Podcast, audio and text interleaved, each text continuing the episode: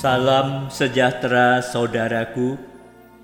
Kita bertemu kembali melalui sapaan malam.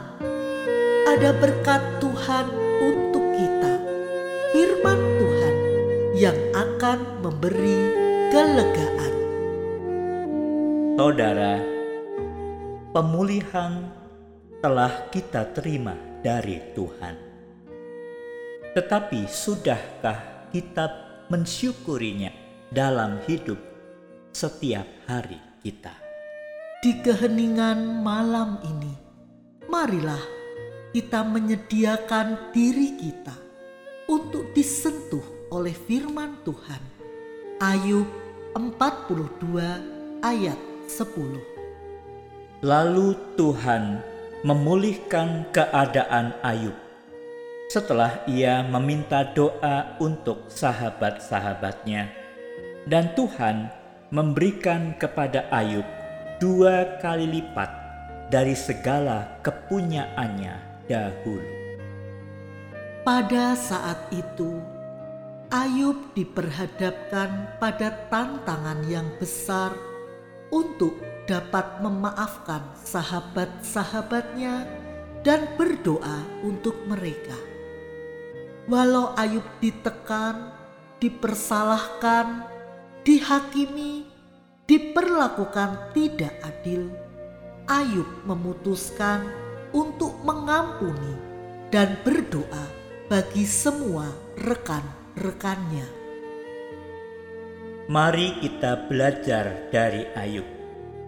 Mungkin saat ini kita sedang dihimpit, ditekan, dikecewakan oleh orang-orang terdekat di sekitar kita.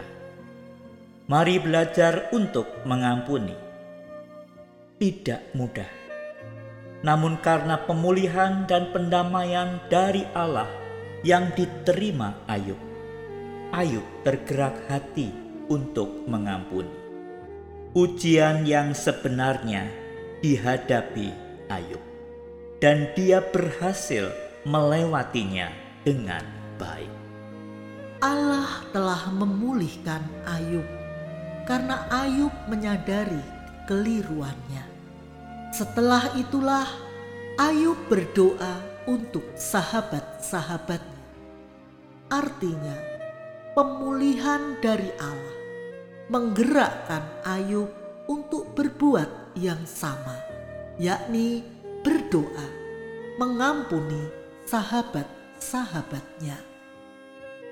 Setelah itulah Allah membawa pemulihan yang ajaib dalam hidupnya dan memberikannya dua kali lipat lebih banyak dari semula. Namun, percaya kepada Allah bukan sarana untuk mencapai kemakmuran. Kesalehan dan kemakmuran bukanlah pasangan yang pasti, tetapi orang benar akhirnya menerima keindahan. Itu adalah satu hal yang pasti. Ada sebuah pelajaran penting di sini. Tidak peduli apa yang akan kita alami secara pribadi, jika kita ingin dapat naik ke atas, syukurilah pendamaian yang kita terima dari Tuhan dan terapkanlah pengampunan pada sesama. Setiap orang yang tetap setia kepada Allah di tengah pencobaan dan penderitaan hidup ini, akhirnya akan menikmati keadaan selanjutnya dengan penuh sukacita.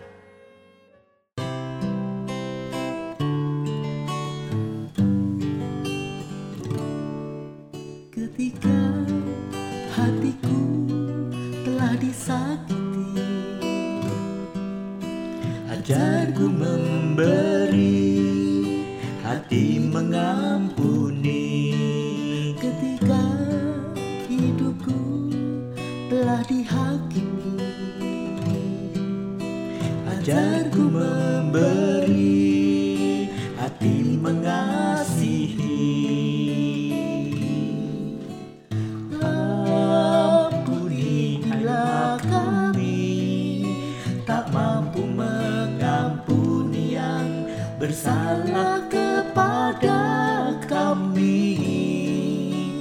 seperti hati Bapa mengampuni mengasihi tiada pabrik